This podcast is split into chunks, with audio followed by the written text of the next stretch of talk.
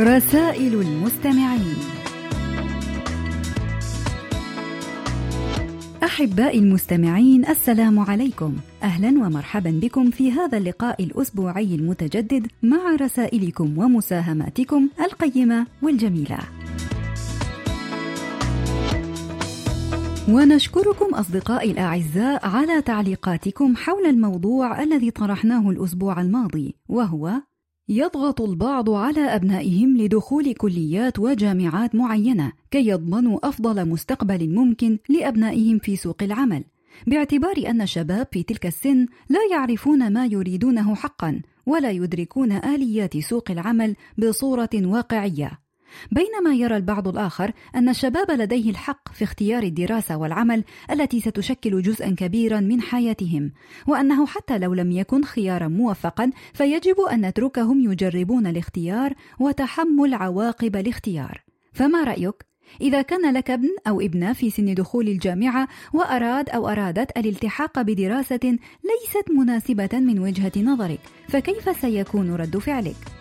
وسوف نستعرض خلال هذه الحلقة بعض الردود التي جاءت إلينا على صفحتنا على فيسبوك. اكتبوا لنا أيها الأصدقاء على صفحة القسم العربي على فيسبوك، وأيضا إذا كان لديكم مقترحات بأفكار ترغبون في مناقشتها عبر البرنامج، أرجو منكم إرسالها إلى بريد القسم العربي أو إلى ركن رسائل المستمعين.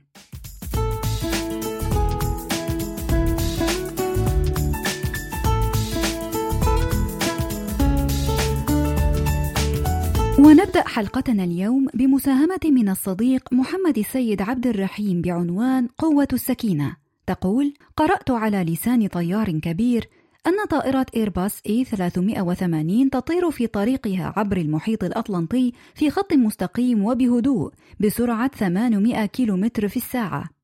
ظهر لها فجأة طائرة يورو فايتر مزودة بتقنية Tempo Mach التي تمكنها من أن تتجاوز ضعفي سرعة الصوت في لحظات خاطفة. أبطأ طيار الطائرة المقاتلة الشاب وطار بجانب طائرة الإيرباص وحيا قائدها العجوز عن طريق الراديو ثم قال: رحلة إيرباص رحلة مملة بطيئة أليس كذلك؟ انتبه أيها القائد وألق نظرة علي ماذا سأفعل. ثم قام الشاب بقلب طائرته على ظهرها وتسارع واخترق حاجز الصوت ثم صعد بسرعة إلى ارتفاع مذهل وهوى إلى مستوى سطح البحر تقريبا في عرض استعراضي خلاب مثير بعدها عاد الطيار العسكري الفتي مرة أخرى بجوار طائرة الإيرباص وسأل قائدها العجوز الكبير: حسنا كيف رأيت ذلك؟ فأجابه قائد الإيرباص الكبير سنا وخبرة استعراضك يا بني مثير للإعجاب للغاية لكن ألق نظرة علينا هنا لترى ما يمكنني فعله ولا يمكنك. راقب طيار المقاتلة طائر الإيرباص لكنه لم يرى شيئا يحدث. استمر قائد الإيرباص في الطيران في خط مستقيم وبنفس السرعة. بعد عدة دقائق أجرى قائد الإيرباص اتصالا لاسلكيا مع طيار المقاتلة وسأله حسنا؟ ماذا تقول الآن؟ فسأله قائد المقاتلة وهو في حيرة ودهشة وماذا فعلت؟ فضحك قائد الإيرباص وقال نهضت وحركت ساقي وذهبت إلى مؤخرة الطائرة إلى دورة المياه وأخذت فنجانا من القهوة وكعكة القرفة وتحدثت مع بعض ملاح الطائرة وسمعت اثنان من الركاب يتبادلان النكات بينهم وتجاذبت أطراف الحديث مع أحد الركاب عندما سألني كيف تركت قمرة القيادة وأنت قائد الطائرة؟ فأخبرته بالتقنيات المتطورة المجهزة بها والتي نستطيع من خلالها إدارة الرحلة بأكملها وأنت لا تستطيع عمل أي من ذلك. الذي قمت أنا به أليس كذلك؟ والمغزى من القصة هو عندما تكون صغيرا وشابا تبدو السرعة ويبدو الاستعراض وحب التفاخر والتظاهر والأدرينالين رائعين. ولكن مع تقدمك في السن واكتسابك للحكمة والمعرفة سوف تفهم قيمة الراحة والسلام والهدوء. وهو ما يسمى بال SOS Slower Order Smarter يعني أبطأ وأقدم وأذكى. لندرك أننا خلال مسيرة الحياة سننجح وسنكون سعداء في أحيان كثيرة وربما نفشل ونحزن في بعض الأحيان وستكون هناك دروس وعبر لكن سيأتي الوقت الذي نبطئ فيه من اندفاعنا وتهورنا لنستمتع ببقية رحلتنا في هذه الحياة الدنيا بهدوء وسلام. وما أجمل ما قاله الشاعر وعالم الطبيعة الألماني يوهان جوته إذ قال تنمو الموهبة مع الهدوء والسكون وتنمو الشخصية بخوض معترك الحياة. نشكرك على هذه القصة الجميلة المفيدة المليئة بالعبر.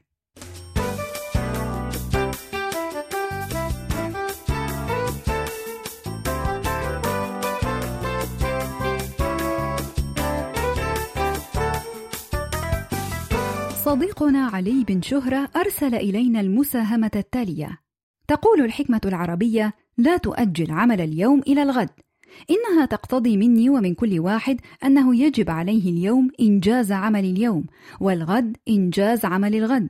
وإلا سوف تظل الأمور متراكمة عليه شيئا فشيئا فنتيجة هذا تنكسر الهمم والعزائم. ومن باب التطبيق بالحكمة العربية لا تؤجل عمل اليوم إلى الغد. مسكت القلم بين الأصابع وحركته بها يمنة ويسرى لكن التركيز لم يتم على كتابة شيء مفيد. وأخيرا عثرت على شيء ينفعني وينفعكم فأحببت أن أنقله إليكم خوفا من كتمان العلم حتى تستفيدوا منه وهو أنني قرأت مقالة قصيرة على الشبكة العنكبوتية بعنوان تأجيل عمل اليوم للغد مضر بالصحة وقد أثبت الكاتب فيها بطريقة وأخرى أن من يؤجل مهام اليوم إلى الغد بشكل متكرر فإنه قد يعاني من الضغط العصبي والاكتئاب والشعور بالخوف والوحدة والإجهاد.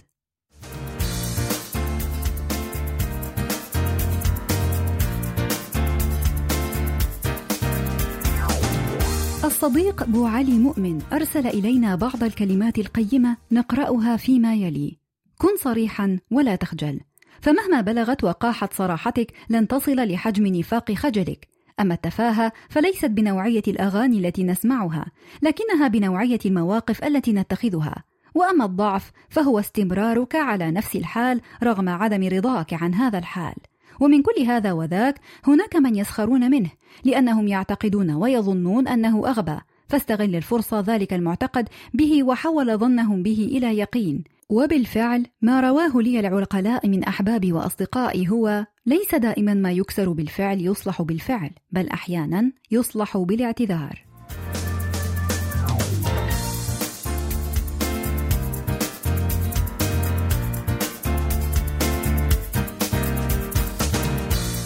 ومن رسائل الصديق عمور حربيط العوني تخيرنا الرسالة التالية: حوار بين القلم والممحاة أتمنى أن تحوز على إعجابكم. كان داخل المقلمة ممحاة صغيرة وقلم رصاص جميل، ودار هذا الحوار القصير بينهما. قالت الممحاة: كيف حالك يا صديقي؟ فرد القلم: لست صديقك. فسألت لماذا؟ فقال: لأنني أكرهك. فسألت: ولماذا تكرهني؟ قال: لأنك تمحين ما أكتب. قالت: أنا لا أمحو إلا الأخطاء. فقال: وما شأنك أنت؟ قالت: أنا ممحاة وهذا عملي. فقال القلم هذا ليس عملا. فردت عملي نافع مثل عملك. فقال أنت مخطئة ومغرورة. فسألت لماذا؟ قال لأن من يكتب أفضل ممن يمحو. فقالت إزالة الخطأ تعادل كتابة الصواب. أطرق القلم لحظة ثم رفع رأسه وقال صدقت يا عزيزتي. فسألت أما زلت تكرهني؟ قالت لن أكره من يمحو أخطائي. وقالت وأنا لن أمحو ما كان صوابا. قال ولكنني أراك تصغرين يوما بعد يوم. فقالت لأنني أضحي بشيء من جسمي كلما محوت خطأ فقال القلم محزونا وأنا أحس أنني أقصر مما كنت. فقالت الممحاة تواسيه لا نستطيع إفادة الآخرين إلا إذا قدمنا تضحية من أجلهم. فقال القلم مسرورا ما أعظمك يا صديقتي وما أجمل كلامك. فرحت الممحاة وفرح القلم وعاشا صديقين حميمين. لا يفترقان ولا يختلفان. أحبتي لم لا نقول شكرا لمن يمحو لنا أخطاءنا ويرشدنا إلى طريق الصواب؟ ألا يستحق الشكر؟ لم لا نكون شموعا نحترق لكي نضيء دروب الآخرين بالخير والعمل النافع؟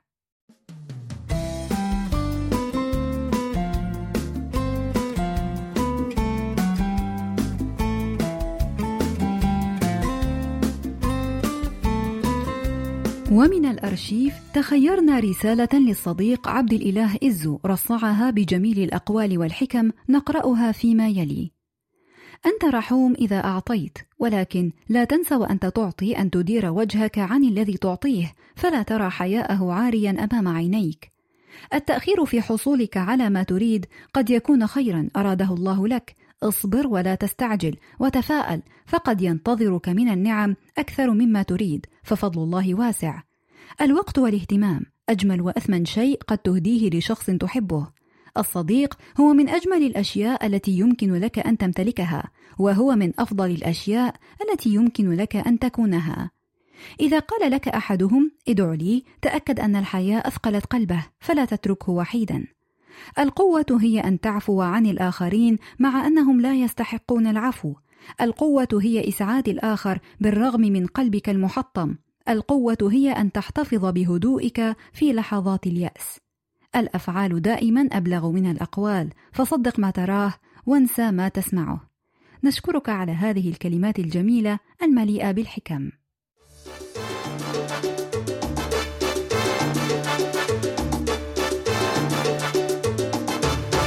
أحبائي وأصدقائي أدعوكم جميعا لإرسال تسجيلاتكم الصوتية التي تحتوي على مساهمات أو أشعار أو كلمات كتبتموها بأنفسكم أو حتى مقترحات أو أفكار أو أي رسالة تريدون توصيلها عبر البرنامج. شكرا للصديق بو علي مؤمن على مساهمته التالية الأنذال يطلبون الاحترام رغم أنه يفرض ولا يطلب، إذا تحتاج بعضا من الصمت في التعامل مع الآخرين، ودع الأيام تتكلم، فمن الضعف أن تستعرض عضلاتك لأن القوة تظهر عند الشدائد فقط. شكرا للصديق علي المحمدي على الكلمات القيمة التالية: الثقة بالنفس هي السبيل الوحيد لتحقيق الأحلام. لا تكن جبانا حتى في خيالك. حاول وحارب وتحدى وقف. فالحياة مقسمة إلى قسمين الرخاء والشدة. لذلك عليك أن تعرف متى عليك أن ترخي ومتى عليك أن تشد. شكرا للصديق عبد الله محمد على الكلمات التالية. حاول الا تكون كثير الشكوى لمن حولك حتى لا تصبح دائما مهموم لأنك سوف تتأثر بما تقول. شكرا للصديقة نهير محمود التي أرسلت تقول: حاول أن تكون قويا فالحياة ليست دائما تعاش بالطيبة والمثالية، ففي بعض الأوقات تحتاج للحرب من أجل الوصول لأهدافك. حاول ألا تبكي على ما ضاع منك، لا تضيع الوقت في الحزن على ما فاتك أبدا، ابدأ من جديد، وقف على قدميك في أسرع وقت ممكن، فلا يوجد وقت للبكاء.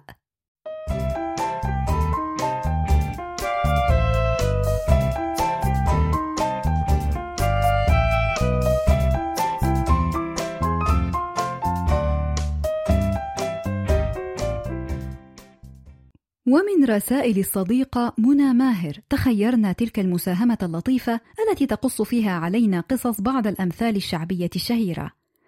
مثل اللي استحوا ماتوا هو من الأمثال والحكم الشعبية التي تضرب للتهكم من المواقف المخلة بالعادات والتقاليد وقلة الحياء، وباللهجة المصرية يقال اللي اختشوا ماتوا، وقصة هذا المثل هي أنه في أيام المماليك في مصر ولم تكن البيوت فيها حمامات كانت انتشرت الحمامات العامة فذهبت ثلة من السيدات إلى أحد الحمامات العامة وحدث أن اندلع حريق في ذلك الحمام الذي ذهبن إليه فخرجت معظم النساء عاريات من الحمام للنجاة من الحريق إلا أن بعض النسوة الذين استحين من الخروج عاريات وفضلن الموت على ذلك ومن هنا جاء المثل الذي يقول اللي استحوا ماتوا أو اللي اختشوا ماتوا والمثل الثاني هو رب رمية من غير رام يحدث أحيانا أن يلقي أحد الأشخاص حجرا وهو بالأساس لا علاقة له بالرماية ولا يجيدها فيحدث أن تصيب الهدف فيقال هذا المثل لشخص قام بعمل جيد بالصدفة.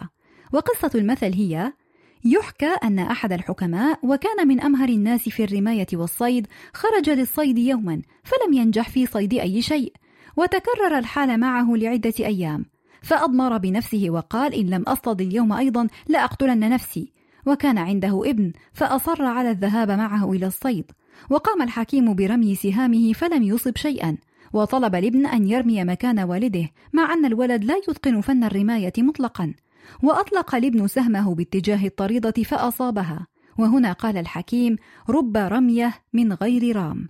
فذهب قوله ذاك مجرى الأمثال والحكم الشعبية يتداولها الناس عندما ينالون شيئا بمحض الصدفة. شكرا على تلك القصتين المفيدتين واللطيفتين.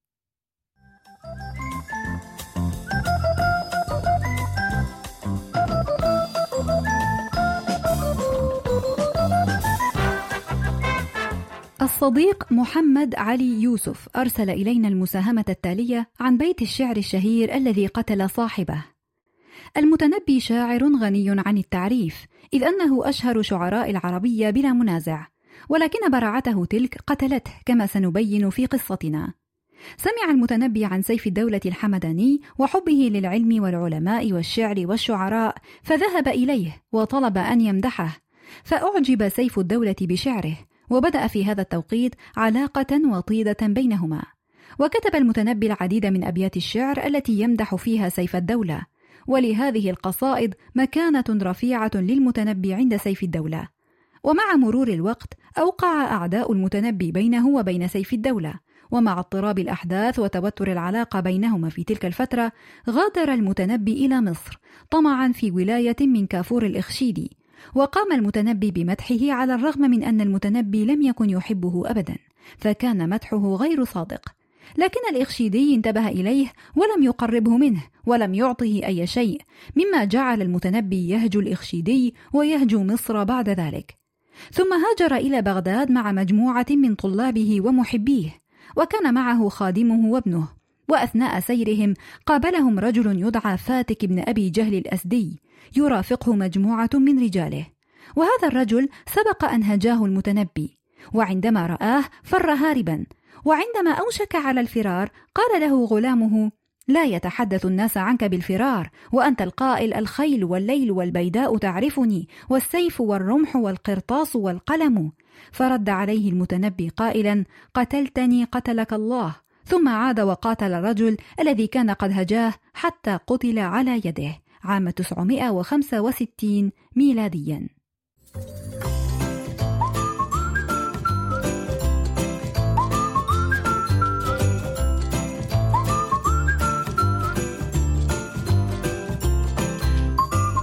الصديق محمد علي مصطفى أرسل إلينا مساهمة مثيرة عن حضارة الإنكا نقرأها فيما يلي. حضارة الإنكا نشأت على يد قبيلة صغيرة على مرتفعات بيرو في أوائل القرن الثالث عشر ثم أصبحت أكبر إمبراطورية في أمريكا عام 1400 بعد توسعاتها وغزوها للقبائل الأخرى الواقعة في مختلف أنحاء الساحل الممتد من كولومبيا وصولا إلى الأرجنتين واتخذت من كوسكو بيرو حاليا عاصمتها الإدارية والسياسية والعسكرية لتصبح أكبر حضارات أمريكا الجنوبية في العصر قبل الكولومبي وأكثرها تأثيرا. وتميز شعب الإنكا بالترابط الأسري ورغم تفضيلهم للذكور إلا أن المرأة كانت تحظى باحترام كبير حتى أنها يمكن أن تصبح كاهنة في المناصب الحكومية. وعندما تصل البنات إلى سن الستة عشر فهذا يعني أنها أصبحت مستعدة للزواج. وحسب الزواج تتحدد إذا كانت الفتاة هي سيدة المنزل الوحيدة أم لا. لأن الرجال المنتمين للطبقات الفقيرة والوسطى لا يحق لهم سوى زوجة واحدة. أما المنتمون للطبقة الأرستقراطية فكان يسمح لهم بتعدد الزوجات. وكان دور النساء بعد الزواج هو إعداد الطعام ورعاية الحيوانات والأطفال والعمل في الزراعة لأراضي أسرة الزوج فهي حضارة قائمة بشكل أساسي على الزراعة فقط. فلم يكن هناك قوافل تجارية أو علاقات تبادلية مع الحضارات الأخرى. وكانت الاحتفالات الدينية من أفضل أوقات شعب الإنكا لأنه الوقت الذي يسمح لهم فيه بتناول اللحوم والاحتفال.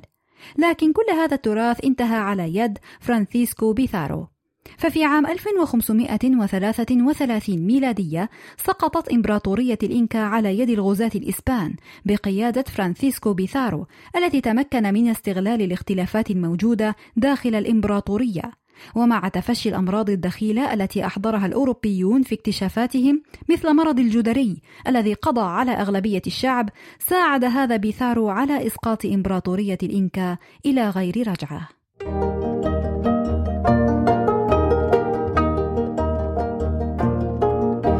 قضية الأسبوع. وموضوع هذا الأسبوع هو ترك الحرية للشباب ليختاروا الدراسة والمهنة المناسبة لهم حسب رؤيتهم ورغباتهم.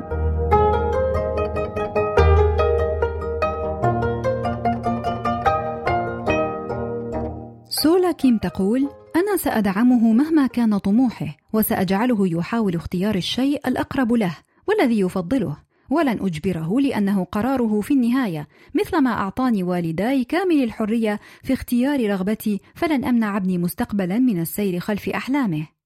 وسام سام يقول أعتقد أنه واجب على الآباء ترك حرية الاختيار للتلاميذ على حسب قدراتهم ومن جهة طموحاتهم الشخصية. فمن غير المعقول أن تفرض على ابنك مجال وهو لا يبرع فيه أو لا يحبه. هذا ظلم. بالعكس يجب أن تكون لهم السند والعون. ساعد أبنائك في اكتشاف قدراتهم واهتماماتهم في مجال ما. لا تبخل عليهم بالنصح والتوجيه بحكم خبرتك ولكن لا تكبحهم على أحلامهم لأن الطفل لن يبرع في مجال لا يحبه. توا هيغوراشي يقول أنا ما زال لي عامين لأجتاز امتحان القبول في الجامعة، ولكن رأيي هو أن يسمح الأولياء لأبنائهم باختيار مهنتهم وتخصصهم، لأنه في الأخير مستقبلهم، وسيمضون باقي حياتهم في هذه المهمة. مثلا أنا أريد اجتياز تجارب أداء لدى أحد شركات الآيدول في كوريا، لكن أمي تصر على إدخالي كلية الطب.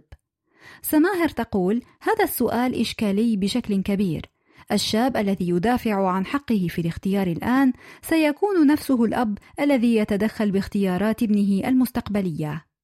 إلهام تقول: بنظري وجب على بعض الآباء أن يتقبلوا فكرة أن أبناءهم ليسوا دمى ماريونيت يتم التحكم بها عن بعد وتوجيهها أينما يريدون، بل هم أيضا بشر لهم كامل الحق في اتخاذ القرارات بشأن حياتهم الدراسية، وإن أخفقوا فلا بأس، فالفشل يعتبر طريقا للنجاح.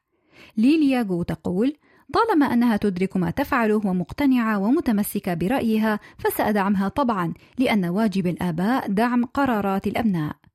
ويبدو أن أصدقاءنا قد اشتركوا فيما يشبه الإجماع على ضرورة ترك حرية الاختيار للشاب أو الشابة المقبلة على مرحلة اختيار الدراسة الجامعية ومن ثم مستقبل العمل. ولا يسع المرء إلا أن يتفهم قلق الآباء من هذه الخطوة إذ أنها ولا شك تحدد الكثير والكثير من مستقبل أبنائهم الذين ينقصهم ولا شك اكتمال الرؤية وبعد النظر إلى حد ما. ولكن إجبار الابن أو الابنة على اختيار طريق معين ليس حلا بكل تأكيد بل قد يكون أكبر خطأ. والحل لهذه المعضلة هو تنمية الأبناء على التفكير والنقد ومساحة من حرية الاختيار في الأمور الصغيرة كي يدركوا معنى وثقل مسؤوليه الاختيار وكي يتعلموا ضرورة التفكير في تفاصيل توابع أي قرار منذ الصغر ولا شك أن شابا أو شابة نشأوا بتلك الطريقة سيكون لديهم من القدرة على التفكير والتحليل والنقد والنضج الفكري ما يؤهلهم لاتخاذ القرار الصحيح.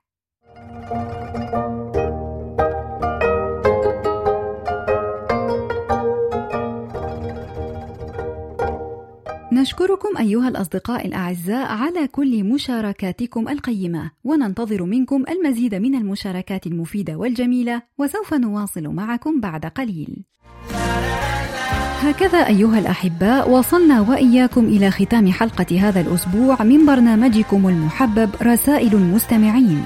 ونعدكم أيها الأصدقاء الأعزاء بأن نلتقي معكم في مثل هذا الموعد من الأسبوع القادم إن شاء الله. وحتى ذلك الحين إليكم تحيات مخرجة البرنامج قمر وتحياتي هالة.